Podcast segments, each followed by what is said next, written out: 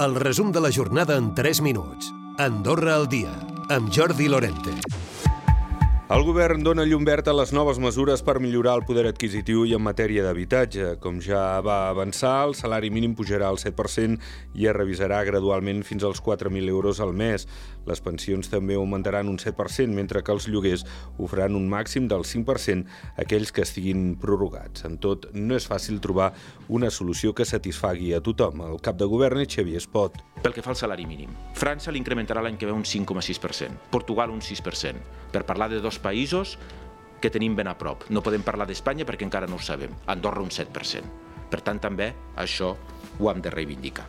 El cap de govern també s'ha referit a la proposta del raonador del ciutadà que reclamava un increment salarial del 10%. Potser és millor un 7% que sigui assumible i que permeti preservar els llocs de treball, que un 10% sumat ja a un 3,3 i a un 3,67%, que al final a nosaltres ens faci pensar que pot conduir a la destrucció de llocs de treball.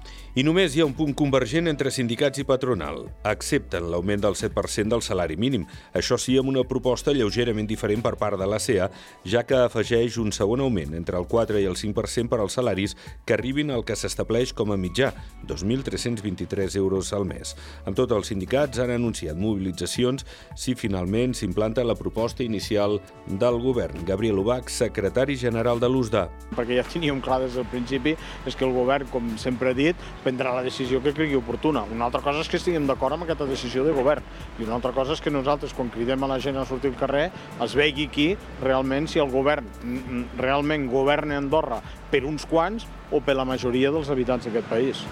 El Comú de Sant Julià de Lòria en bloc, amb govern i privats, s'alien per a la construcció de pisos tutelats per a majors de 65 anys amb un cert grau d'autonomia. I les festes de l'os del Pirineu ja són patrimoni de la humanitat.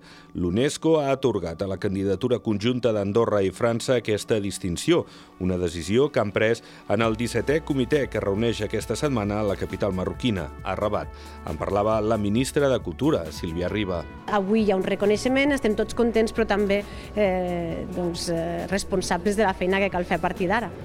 D'altra banda, hem de parlar de les pistes d'esquí del país. Està previst ja que aquest divendres puguin encetar la temporada, amb la vista posada en el que és aquest pont de la Puríssima, molt important per als camps de neu. I la CAS i la Seguretat Social Espanyola tanquen un conveni que permetrà intercanvis de dades sobre pensionistes entre els dos països.